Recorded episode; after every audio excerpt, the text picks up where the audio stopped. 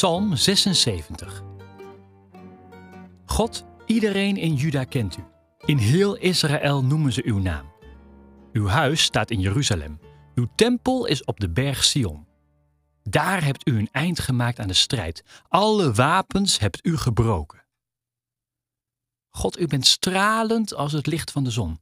U bent sterk als bergen die nooit verdwijnen. Als u sterke soldaten aanvalt, dan vallen ze dood, op de grond. Ze kunnen niets meer. God van Jacob, zelfs als u alleen maar dreigt, sterven soldaten en hun paarden. Iedereen is bang voor u. Niemand kan uw woede verdragen. Als u recht spreekt vanuit de hemel, beeft iedereen op aarde en zwijgt. God, u bent een goede rechter. U redt mensen uit hun ellende. Ook uw tegenstanders zullen u danken.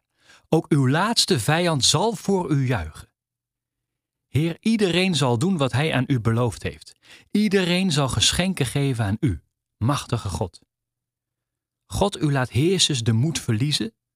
Koningen zijn bang voor u.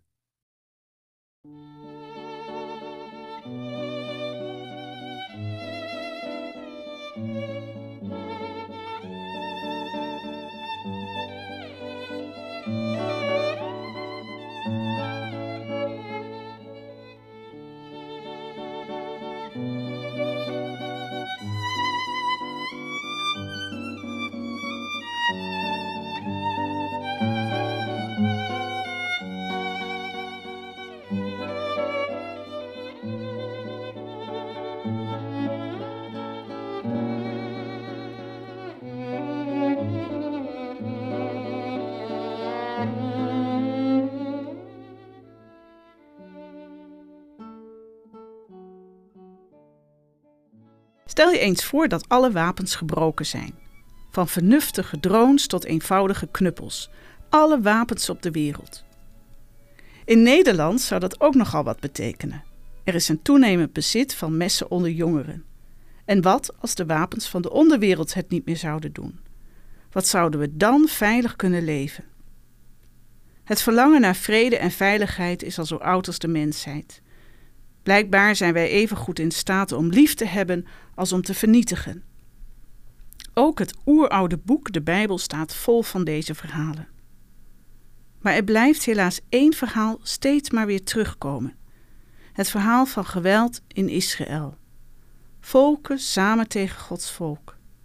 Het volk Gods tegen de volken. Soms zijn er bondgenoten, soms staat Israël er alleen voor. Tot op vandaag is er geen vrede in Israël. En lukt het maar niet dat mensen als zusters en broeders in vrede samenwonen. Wat denk jij hiervan? Zie jij een weg hoe de eindeloze reeks aan conflicten in Israël zou kunnen eindigen?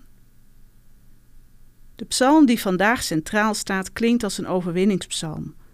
God heeft de vijand onder de voet gelopen en eindelijk, eindelijk is er vrede. Of moeten we de woorden meer lezen als een groot verlangen? Wat zou het geweldig zijn als die dag zou aanbreken, dat alle wapens gebroken zijn, dat er recht gesproken en gedaan wordt, dat de tegenstanders en vijanden God danken en juichen, dat eindelijk de laatste oorlog gestreden is. Wat zou het geweldig zijn? En tot die tijd proberen we ieder op onze eigen plek de vrede te bewaren, bruggen te bouwen, zo samen te leven dat er geen oorlog meer nodig is.